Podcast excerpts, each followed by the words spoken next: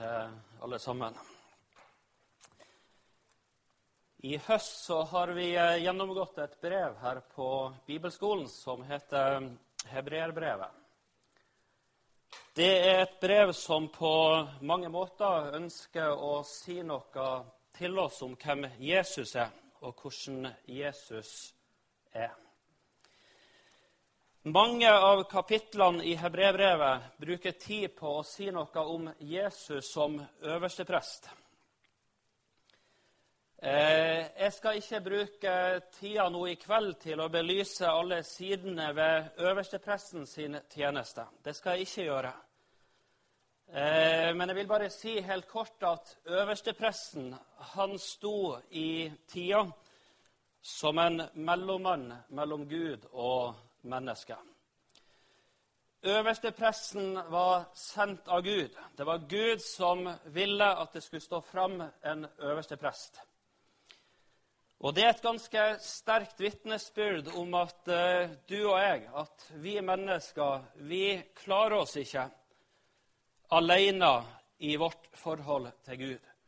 Vi makter ikke å møte Gud på egen hånd det taler det om i det at Gud reiser opp en øverste prest.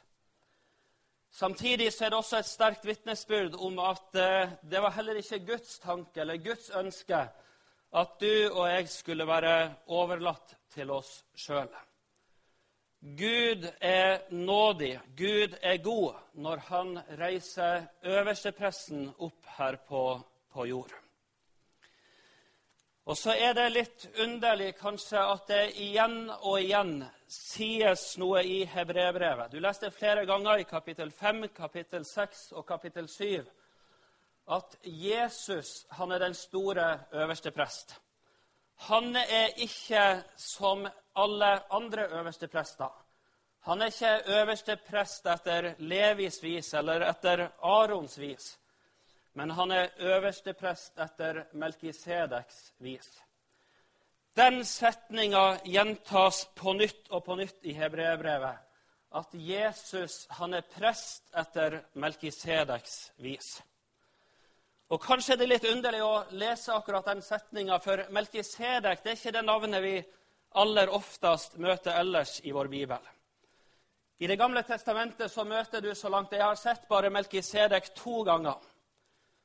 Det ene det er i Salme 110, der det sies, der Gud sier det, at du er prest etter Melkisedeks vis. Og det sier Gud i forbindelse med Messias, med Jesus som skulle komme til jord. Du er prest etter Melkisedeks vis, og til evig tid. I det aronittiske prestedømmet så eh, steg det også fram øverste prester. Men det som var så karakteristisk for alle disse øverste prestene, det var at de steg fram, de tjente ei viss tid, og så kom det en dag da de måtte tre til side. Da presteklærne ble lagt til side, da tjenesten deres tok slutt, da de hadde utretta sitt, og så tok tjenesten deres slutt. Hebrebrevet bruker tid på å si at slik er det ikke med Jesus. Slik er det ikke med vår øverste prest. Og så sies det at Jesus han er prest til evig tid. Til evig tid. Det kommer aldri den dag at hans tjeneste tar slutt, at han legger til side sine presteklær. Men hebrebrevet taler stilt og sterkt utover om hvordan Jesus i dag gjør tjeneste for deg. Hvordan han i dag ber for deg. Hvordan han i dag er opptatt av ditt evige ve og vel. Hvordan Gud i dag har sine øyne festa på deg. Og hvordan Jesus går fram for Guds åsyn og står der akkurat nå, sier hebreerbrevet, for å åpenbares der for de skyld, for mi skyld. Du er prest til evig tid etter Melkisedek sitt vis. Og Så skal vi inn i, eh, i ettermiddag i fire vers i Første Mosebok. Det er det eneste glimtet Bibelen gir oss av Melkisedek. Så langt jeg kan se, det er det eneste avsnittet i hele vår bibel der vi møter Melkisedek. Og så er det så underlig at gang på gang i hebreerbrevet så er det Melkisedek sine tjenester som løftes fram, eller hans navn som løftes fram, når det skal sies noe om hvem Jesus er, hvordan han er, så sies det på nytt og på nytt at han er prest etter Melkisedeks vis. Hans liv har ingen begynnelse, sier Bibelen. Hans liv har ingen ende, sier Bibelen. Han eh, trer ikke fram med ei lang slektstavle bak seg, men han trer plutselig fram på arenaen.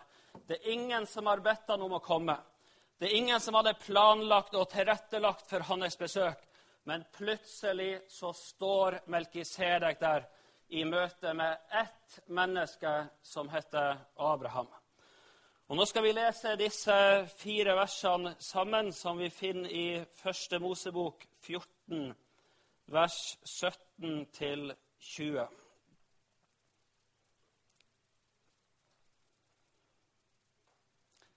Og der står det slik om Abraham da han vendte tilbake etter å ha slått Kedor Laomer og de kongene som var med ham gikk kongen i Sodoma ut for å møte ham i Sjavedalen.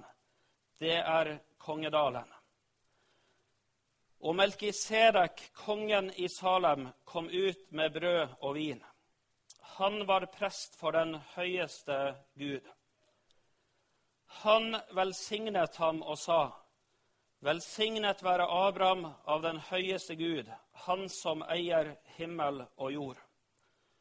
Og lovet være den høyeste Gud, som har gitt dine fiender i din hånd.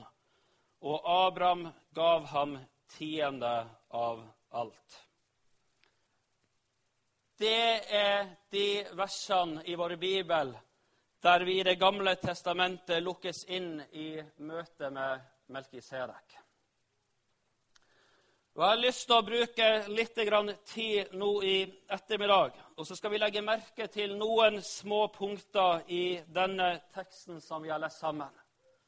Når det sies noe om Melkisedek som kom, og hva han fikk bety i møte med Abraham.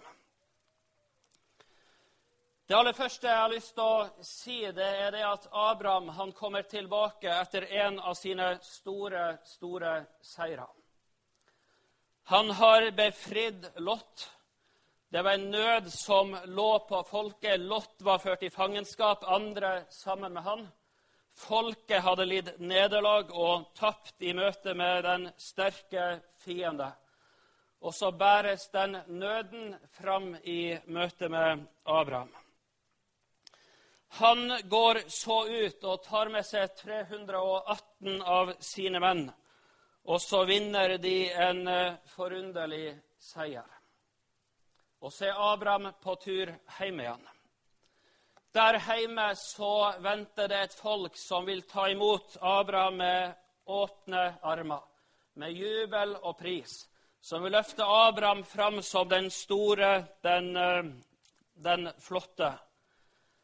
Og så møter, en, eh, så møter, vi også i teksten en konge, Sodomas konge, som er på vei imot Abraham for å overøse Abraham med jordiske gaver.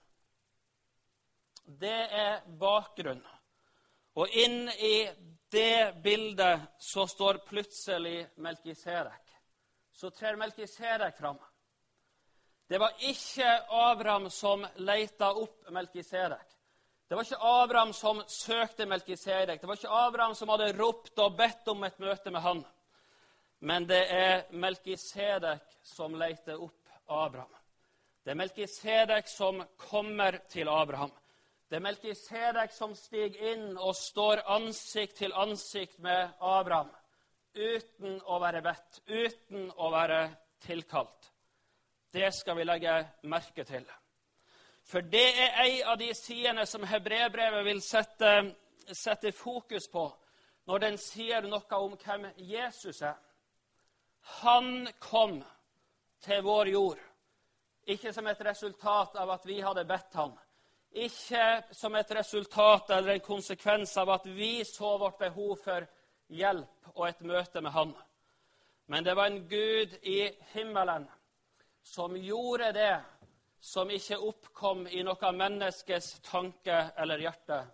Og så sender han Jesus til jord.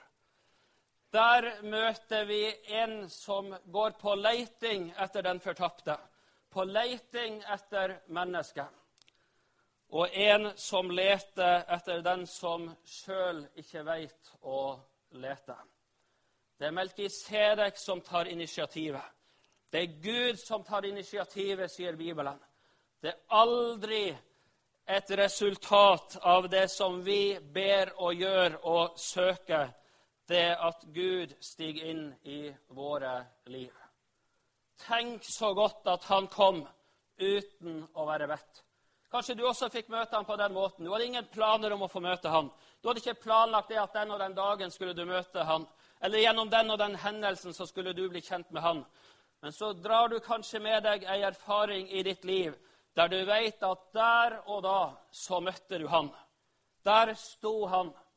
Der sto han uten at du hadde bedt han om det eller søkt han på noe vis.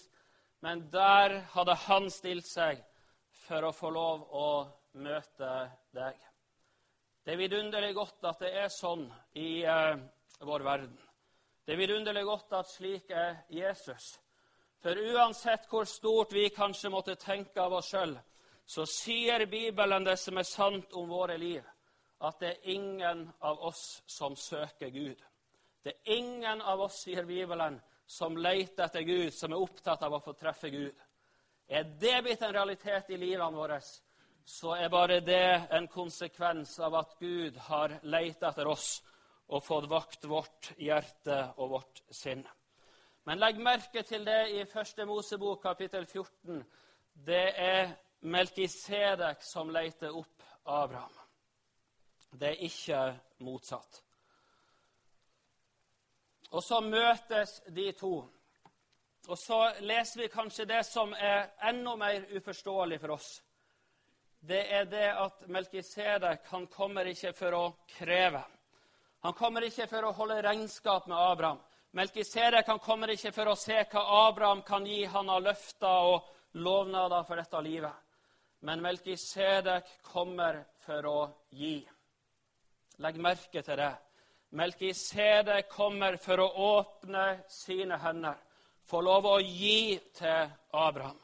Han kommer ikke for å kreve. Melkisedek, han kommer for å gi. Og her i det 18. verset så sto det slik at Melkisedek, kongen i Salem, kom ut med brød og vin. Han var prest for den høyeste Gud. Det er det skriftavsnittet setter ord på. Han kom, og så gir han Abraham brød og vin. Og Kanskje du drar kjensel på akkurat det ordparet når du møter det her i en gammeltestamentlig tekst. Han kom med brød og vin. Det er et ordpar som du møter flere andre ganger i Bibelen. Ikke minst så møter du det når Jesus sitter sammen med sine disipler en sen, sen torsdagskveld. Brød og vin det var de ytre elementene som Gud tok fram når han ville bære syndenes forlatelse inn i et menneskes liv. Når han ville gi seg sjøl til oss mennesker, så er det de ytre, synlige elementene som eh, Gud tok tak i. Husker du Jesus sa det? 'Dette er mitt legeme', sa han når han hadde tatt brødet. Når han brøt brødet, så sa han at 'dette er mitt legeme'.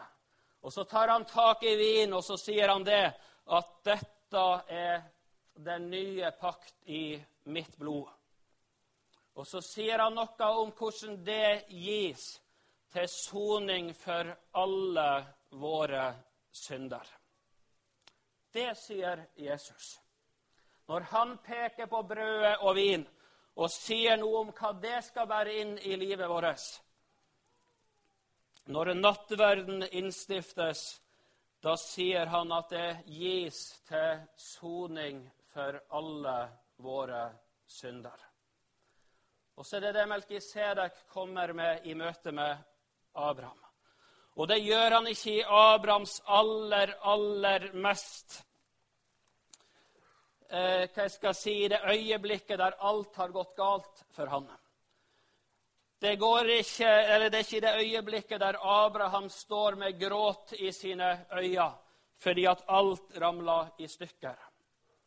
Men det kommer Melkisedek med inn i Abraham sitt liv den dagen han kommer tilbake fra en av sine store seirer i livet. Da er det en Melkisedek som vil bære brød og vin inn i Abraham sitt liv, også til et vitnesbyrd om at han trenger forlatelse for sine synder. At han trenger et oppgjort forhold i møte med sin Gud. Men så bærer han også den forlatelse inn i livet til Abraham.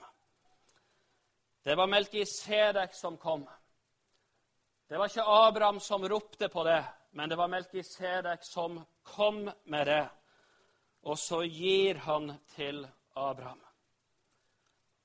Og så er det det hebreerbrevet vil vise til på nytt og på nytt når det tales om at slik er Jesus som vår øverste prest.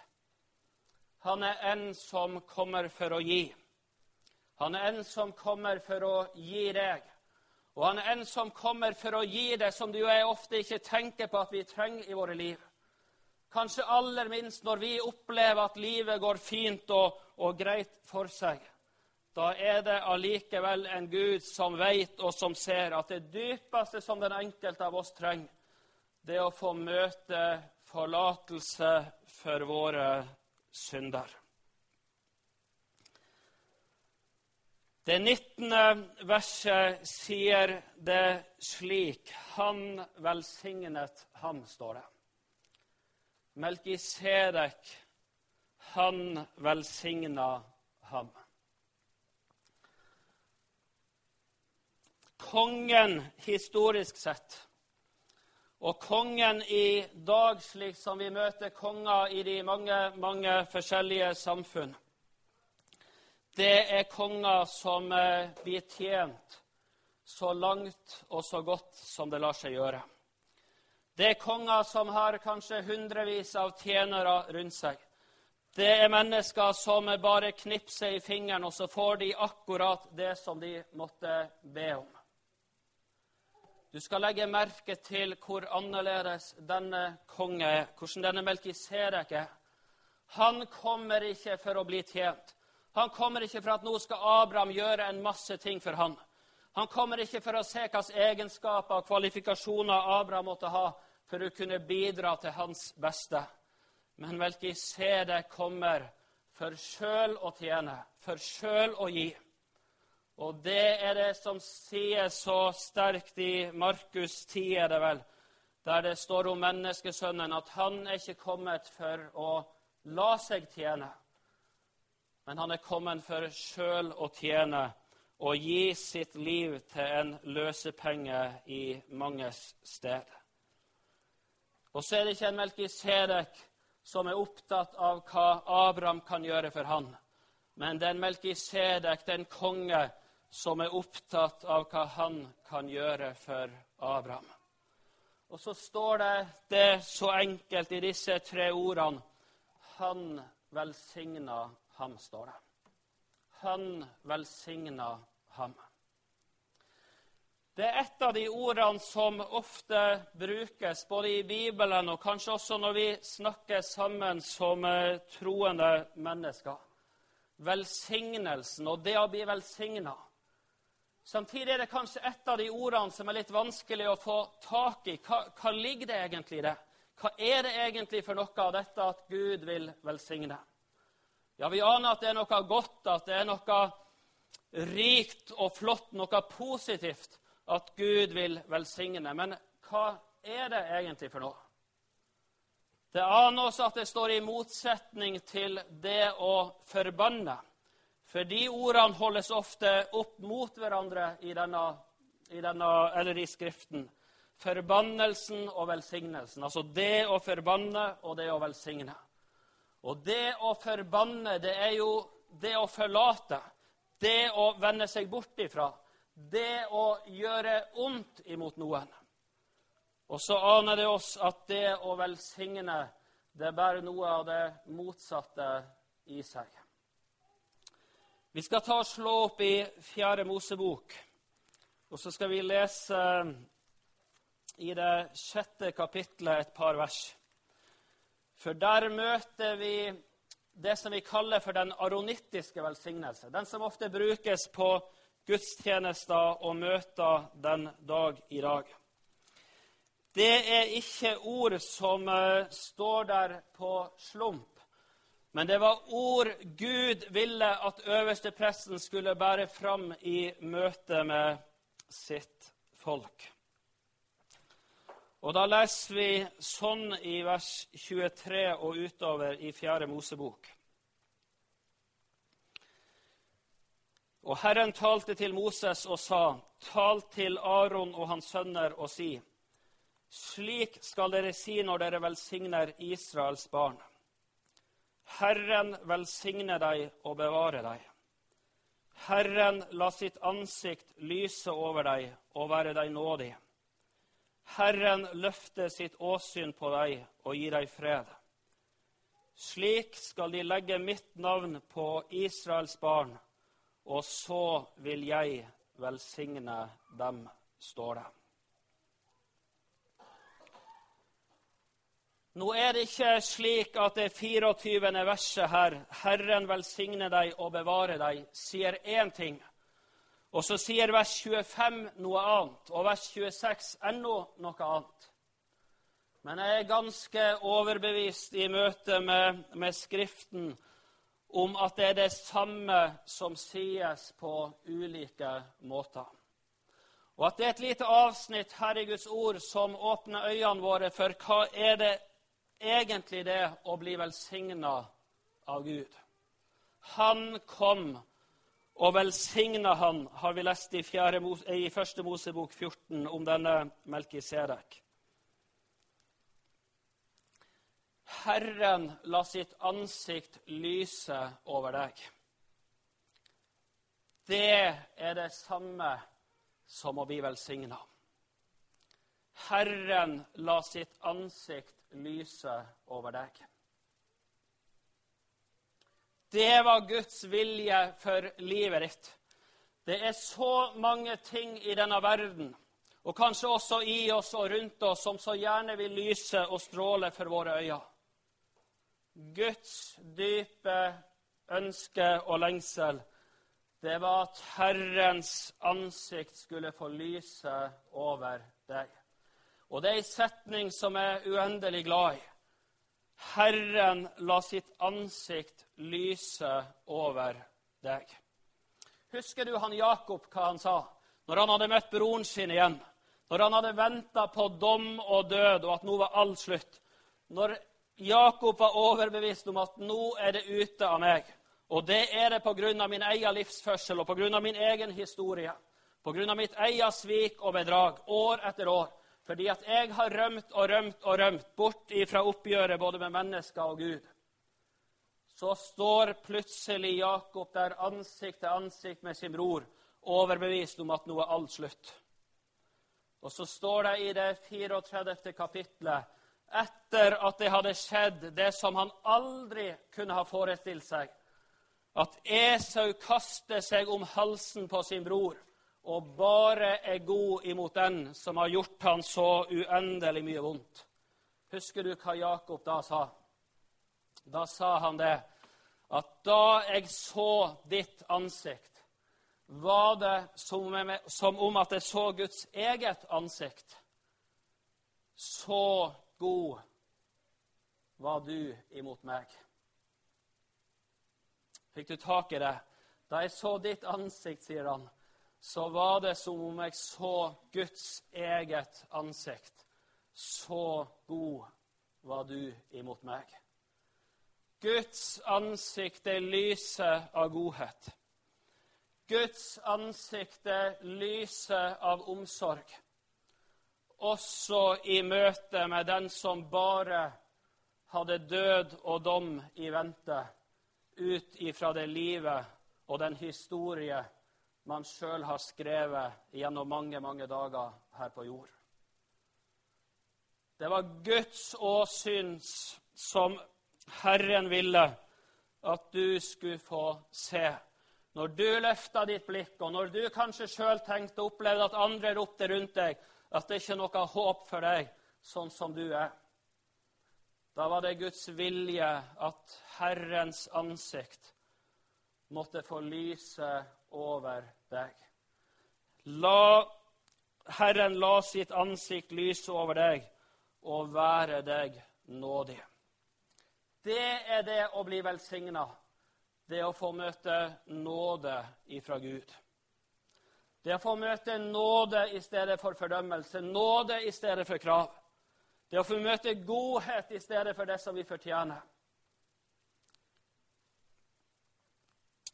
Og så sies det på nytt igjen i det 26. verset med andre ord, men fortsatt det samme. Herren løfter sitt åsyn på deg og gi deg fred. Herren løfter sitt åsyn på deg. Der tas det fram enda en gang. Jeg vet ikke om du la merke til det som vi sang i en av sangene tidligere her. Det var den stille, sterke bønna fra salmisten der han sto i sin nød. Der han sto i en verden som han opplever så vanskelig, og, og der det er så mye som vil dra han bort fra Jesus, fra himmelveien. Så ber han på denne måten, la meg få Nei, hvordan, hvordan var det sto? La meg få se på deg når synda dårer. Det var lengselen, bønna i synderen sitt liv. La meg få se på deg, få se ditt åsyn. Og så var ikke det bare hans ønske, men det var Guds ønske. Herren løfter sitt åsyn på deg og gi deg fred. Så vil jeg si bitte lite grann om akkurat det. Fred. Hvem er det som ikke ønsker seg fred i livet? Fred i hjertet. Fred, det er ingen følelse.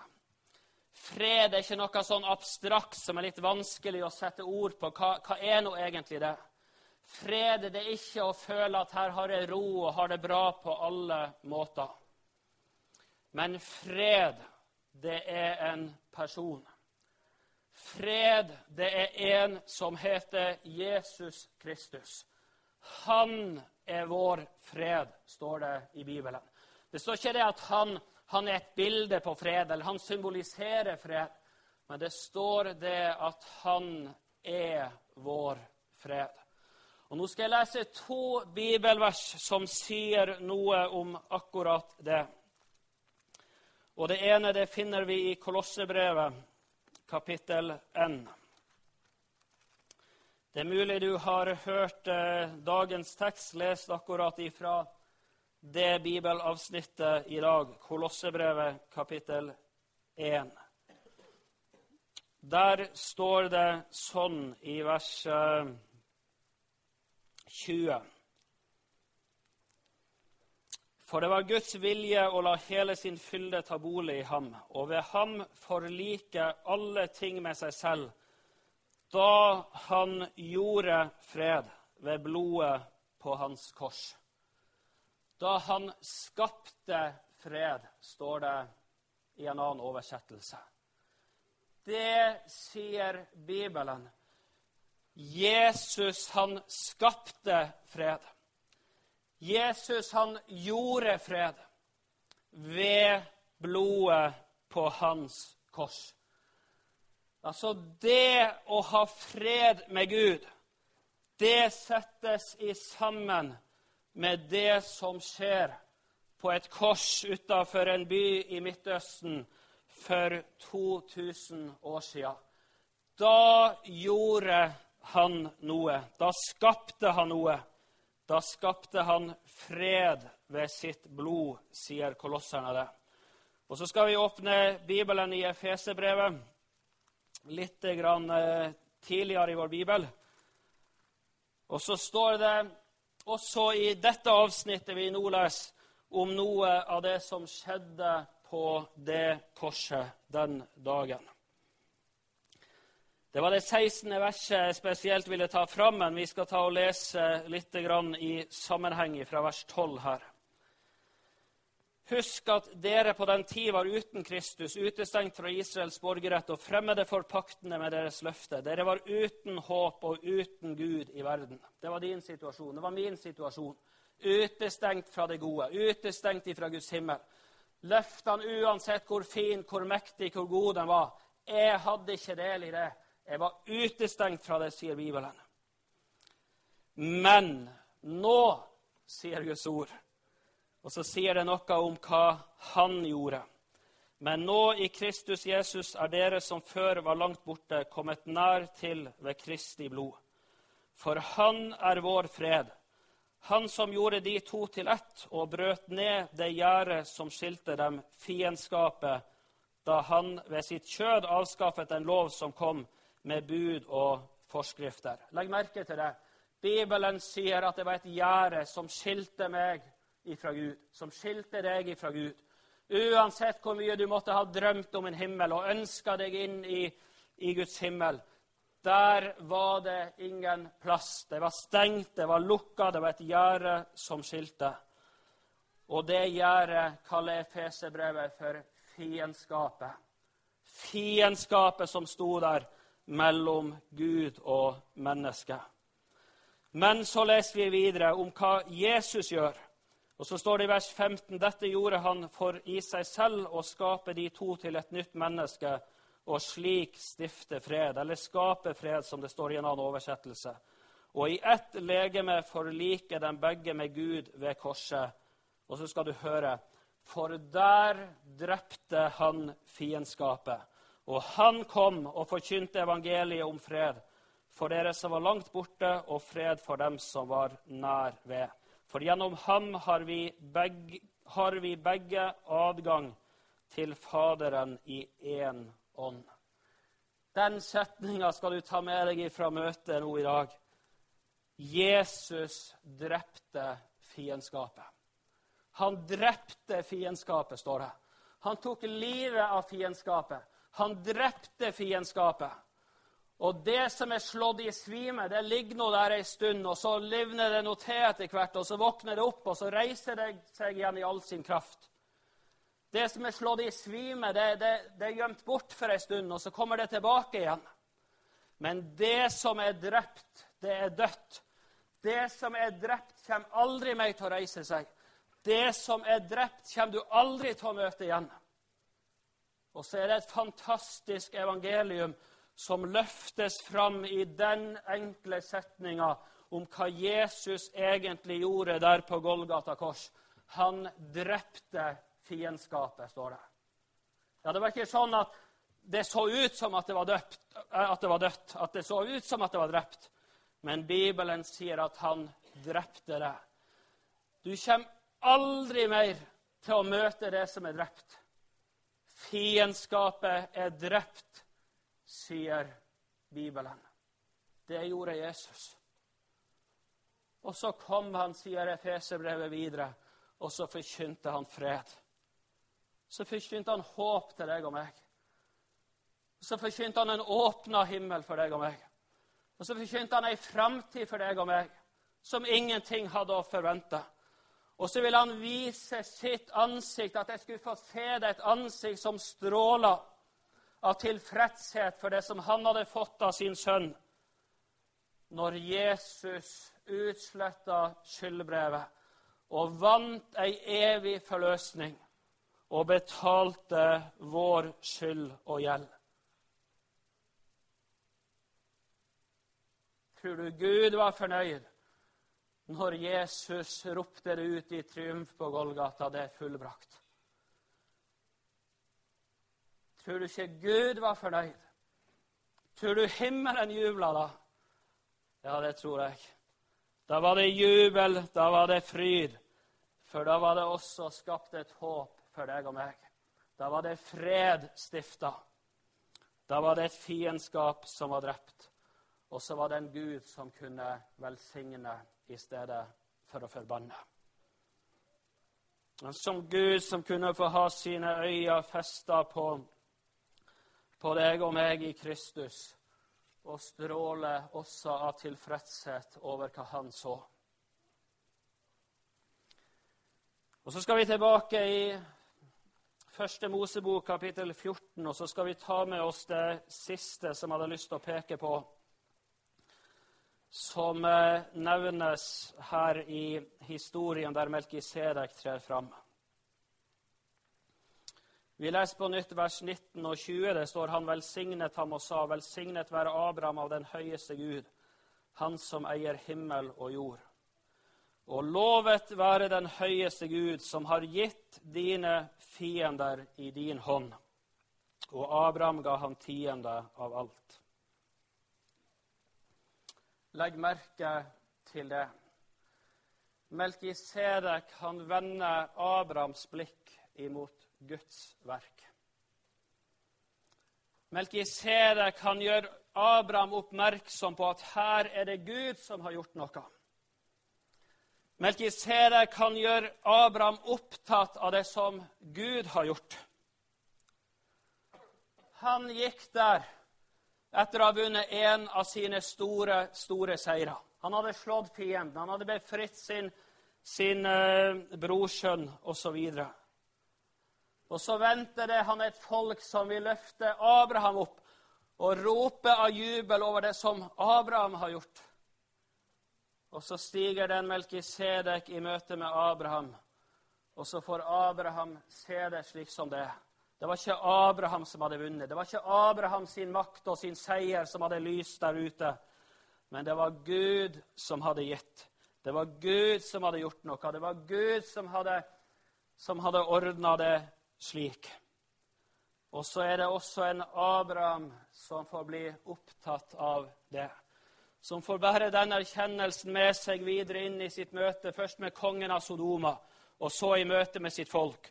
Og som får bære det med seg på en slik måte at når kongen i Sodoma vil åpne hele sine gaver og sin rikdom og gi det til Abraham, så sier Abraham nei. Nei, det, det, det skal ikke jeg ha. Det var Guds verk. Det var Gud som hadde gitt, det var Gud som hadde gjort. Og så får Abraham lov å møte det gjennom denne underlige skikkelsen som stiger fram her denne dagen. Det vil også Gud. Slik en øverste prest vil også Jesus være for deg. At han løfter blikket ditt på en slik måte at du fikk se det som Gud hadde gjort. Bli opptatt av det som Gud hadde gjort, av det som Gud er, og ikke av alt det som du måtte få til eller ikke få til her i denne verden. Jeg har lyst til å si det, at det er kanskje ingenting som stikker så dypt i vår natur som trangen til ære og berømmelse. Som trangen til takk og oppmerksomhet når vi har gjort noe eller bidratt med noe. Det er kanskje ingenting som er så vanskelig i dette kjødet å bli kvitt som æresyka som vi bærer med oss hver eneste en av oss. Det var noen disipler som satt og sang den kvelden. De sang det akkurat som de hadde sunget det i hver eneste jødisk heim år etter år etter år i forbindelse med påskefeiringa. Du møter det slik som denne skildra lovsangen som også disiplene satt og sang sammen den siste kvelden før Jesus ble tatt ifra dem. Da synger de det sånn i Salme 115, vers 1. Ikke oss, Herre, ikke oss, men ditt navn gir du ære for din miskunnhets og din trofasthets skyld. Det sang disiplene. Ikke oss, ikke vårt navn. Ikke oss, ikke det vi gjør, men ditt navn, sier de, der de sitter sammen med sin frelser. Ditt navn gir du ære for din miskunnhets og din trofasthets skyld. Hvordan ble historien? Hvordan ble timene videre? Hvordan ble det vitnesbyrd og den historie som har blitt forkynt i år etter år etter år utover i kristne forsamlinger? Der er det ikke mye ære som ble levna disiplene. Der er det deres fall som står igjen på den historiske arena. Der er det deres nederlag, deres svik, deres feighet, deres tafatthet det er det som lyser imot oss. Men samtidig er det noe som stråler enda klarere, enda sterkere. Og det er hans trofasthet. Det er Jesu verk, det er Jesu godhet, det er Jesu nåde også i møte med den aller dypest falne. Og så er det et underlig å se hvordan bønnesvaret på et vis av deres bønn Ikke oss, Herre, ikke oss men ditt navn gir du ære. Hvordan det har fått lov å prege lovsangen i de mange, mange tusen kristne forsamlinger. Det er ikke Jakob og Johannes og Peter sin pris som synges, verken i Andesfjellene eller i stråhytter i Afrika eller i de aller rikeste forretningskvartal i Asia eller hjemme i vårt eget Norge. Det er ikke om Johannes sin triumf, om Johannes sin frimodighet. Men det synges om Jesu ubegripelige kjærlighet også imot deg og meg. Og så er det den som Melkiserek får feste Abraham sitt blikk på. Og så blir det stående en trang igjen i Abraham sitt liv. Og så sier Bibelen det så enkelt at Abraham han ga han tiende av alt det han hadde. Han hadde ikke bedt om det, han hadde ikke spurt han om det. Han hadde ikke sagt 'Abraham, kan du ikke være så snill og gi meg lite grann?' Men det var en trang som ble skapt i Abraham sitt liv i møte med all godhet ifra han som var en konge så annerledes enn alle andre konger. Det skapes takknemlighet i møte med hva Jesus har gjort. Det skapes mismot og fortvilelse og frustrasjon og bare avmakt når blikket vårt er festa på oss sjøl og på alle de andre rundt oss. Men når blikket vendes imot Jesus, imot Guds verk, da skapes det takknemlige hjerter. Da blir en opptatt av spørsmålet som også ble sunget disiplene imellom den dagen, slik som de også hadde sunget i alle jødiske hjem tidligere. Hva, eller hvordan, spør de, skal jeg gjengjelde han alle hans velgjerninger mot meg? Hvordan skal jeg gjengjelde han alle hans velgjerninger mot meg? Og så sier det sånn i Salme 116.: Jeg vil løfte frelsens beger. Og så vil jeg påkalle Herrens navn. I frelsens beger, der er alt gjemt, det som Herren har gjort, det som Han har tilveiebrakt. Og så rekkes det begeret meg, også gjennom disse synlige elementene som brød og vin. Og så skal jeg få lov å lukke det inn i mitt hjerte. Og så skal jeg få eie det. Og så skal jeg få lov å kalle på Herrens navn. Jeg skal få lov å si takk, Jesus. Takk, Jesus. Kjære gode Gud, jeg har lyst til å takke deg for at du så det som ikke vi så. Takk for at også du ser i dag det som vi er så lite opptatt av. At vi trenger en mellommann, en øverste prest, i vårt møte med deg. Takk, Gud, for at det kom en slik mellommann, en slik øverste prest. Takk for at eh, det var ikke en på samme vis som alle de andre som tjente en stund og så måtte tre til side, men takk, Jesus, fordi at du er en evig prest. Takk for at du også i dag. Og hver dag, så lenge det heter i dag, så vil du tjene dine, så vil du be for dine, og så vil du tale vår sak innenfor den hvite trone. Da har jeg lyst til å prise deg for Jesus. Jeg har lyst til å be om at du må gjøre oss oppmerksom på hva du gjør midt i vår kav og opptatthet av hva vi sjøl skal være og gjøre. Løft blikket vårt da, Jesus, slik at vi får se deg, at vi får bli opptatt av din tjeneste. Ikke bare det som du gjorde mens du vandra her på jord, men det som du gjør i dag for uh, den enkelte av oss. Takk for at du er opptatt av sjela vår, Jesus. Takk for at du er opptatt av evigheten vår. At ikke det må bli ei evighet i mørket og tenners gnitsel borti fra deg, men at det kan forbi ei evighet sammen med deg. Takk for at, der stiger du, takk for at derfor stiger du inn i livet vårt, Jesus. Og så vil du forkynne om hva som allerede er gjort, hva som er fullbrakt. Takk for at det vil du fortsatt gjøre, Jesus. Amen.